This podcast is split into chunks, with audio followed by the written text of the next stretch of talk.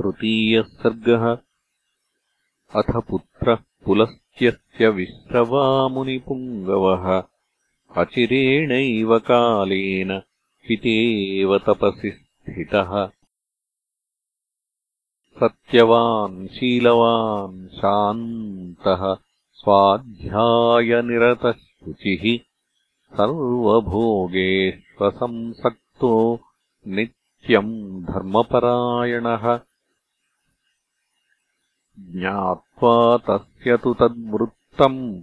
भरद्वाजो महामुनिः ददौ विश्रवसे भार्याम् स्वसुताम् देववर्णिनीम्। प्रतिगृह्यतु धर्मेण भरद्वाजसुताम् तदा। प्रजान्वेषिकया बुद्ध्या श्रेयो विचिन्तयन्। मुदा परमया युक्तो विश्रवामुनिपुङ्गवः स तस्याम् वीर्यसम्पन्नम् अपत्यम् परमाद्भुतम्। जनयामास धर्मज्ञः सर्वैर्ब्रह्मगुणैर्युतम् तस्मिन् जाते तु संहृष्टः पितामहः दृष्ट्वा श्रेयस्करीम् बुद्धिम् धनाध्यक्षो भविष्यति। नाम तस्याकरोत्प्रीतः सार्धम् देवर्षिभिस्तदा यस्माद्विश्रवसोपत्यम् सादृश्याद्विश्रवा इव तस्माद्वैश्रवणो नाम भविष्यत्येष विश्रुतः स तु वैश्रवणस्तत्र तपोवनगतस्तदा अवर्धताहुतिहुतो महातेजायथानलः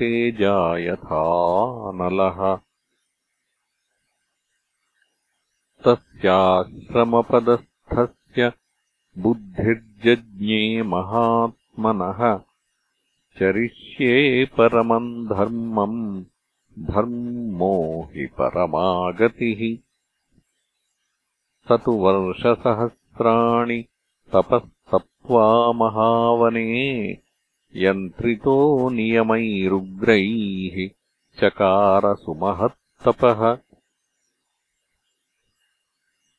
पूर्णे वर्षसहस्रान्ते तम् तम् विधिमकल्पयत्। जलाशी मारुताहारो निराहारस्तथैव च। एवम् वर्षसहस्राणि जग्मुस्तान्येकवर्षवत्।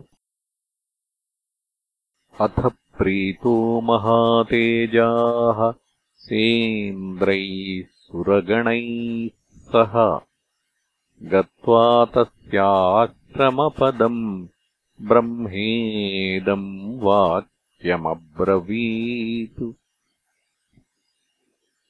परितुष्टोऽस्मि ते वत्स कर्मणानेन सूरत वरम् गृणीष्वभद्रन्ते वरार्हस्त्वम् महामते। अथाब्रवीद्वैश्रवणः पितामहमुपस्थितम्। भगवन् लोकपालत्वम् इच्छेयम् वित्तरक्षणम्। अथाब्रवीद्वैश्रवणम् परितुष्टेन चेतसा ब्रह्मासुरगणैः सार्धम् बाढमित्येव हृष्टवत्। अहम् वै लोकपालानाम् चतुर्थम् स्रष्टुमुद्यतः। यमेन्द्रवरुणानाम् च पदम् यत्तव चेप्सितम् तद्गच्छ त्वम् हि धर्मज्ञ निधीशत्वम् त्वमवाप्नुहि शक्राम्बुपयमानाम् च चतुर्थस्त्वम् भविष्यसि। एतच्च पुष्पकम् नाम विमानम् सूर्यसन्निभम् प्रतिगृह्णीष्वयानार्थम् त्रिदशैः समताम् व्रज स्वस्ति तेस्तु गमिष्यामः सर्व एव यथागतम्। कृतकृत्या वयम् तात दत्त्वा तव वरद्वयम्। इत्युक्त्वा स गतो ब्रह्मा स्वस्थानम् त्रिदशैः सह। गतेषु ब्रह्मपूर्वेषु देवेष्वथनभस्थलम् वने स पितरम् प्राह प्राञ्जलिः प्रयतात्मवान्। निवासनम् न मे देवो विदधे स प्रजापतिः भगवन् लब्धवानस्मि वरमिष्ट तम् पितामहात् तम् पश्य भगवन् कञ्चिन्निवासम् साधु मे प्रभो। न च पीडा भवेद्यत्र प्राणिनो यस्य कस्यचित्। एवमुक्तस्तु पुत्रेण विश्रवामुनिपुङ्गवः। वचनम् प्राहधर्मज्ञः श्रूयतामिति सत्तमः दक्षिणस्योदधेस्तीरे त्रिकूटो नाम पर्वतः। तस्याग्रे तु विशाला सा महेन्द्रस्य पुरी यथा। लङ्का नाम पुरी रम्या निर्मिता विश्वकर्मणा। राक्षसानाम् निवासार्थम् यथेन्द्रस्यामरावती तत्र त्वम् वसभद्रन्ते लङ्कायाम् नात्र संशयः।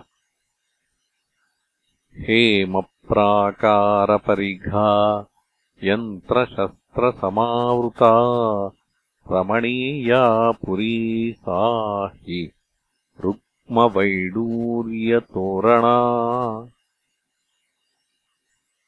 राक्षसैः सा परित्यक्ता पुरा विष्णुभयार्दितैः शून्यारक्षोगणैः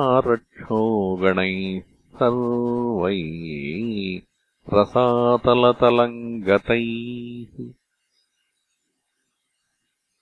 शून्या सम्प्रतिलङ्का सा प्रभुस्तस्या न विद्यते त्वम् तत्र निवासाय गच्छ पुत्रम् यथा सुखम्। निर्दोषस्तत्र ते वासो न बाधा तत्र कस्यचित्।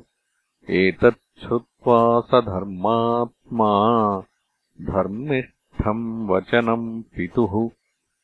निवासयामास तदा लङ्काम् पर्वतमूर्धनि नैरृतानाम् सहस्रैस्तु हृष्टैः प्रमुदितैः सह। अचिरेणैव कालेन सम्पूर्णा तस्य शासनात् स तु तत्रावसत्प्रीतो धर्मात्मानैर्वृतर्षभः समुद्रपरिघायाम् तु लङ्कायाम् विश्रवात्मजः। काले काले तु धर्मात्मा पुष्पकेण धनेश्वरः। अभ्यागच्छद्विनीतात्मा पितरम् मातरम् च हि स देवगन्धर्वगणैरभिष्टुतः। तथाप्सरो नृत्यविभूषितालयः गभस्तिभिः सूर्य इवावभासयन्। पितुः समीपम् प्रययौ स वित्तपः। इत्यार्षे श्रीमद् रामायणे वाल्मीकीये आदिकाव्ये उत्तरकाण्डे तृतीयः सर्गः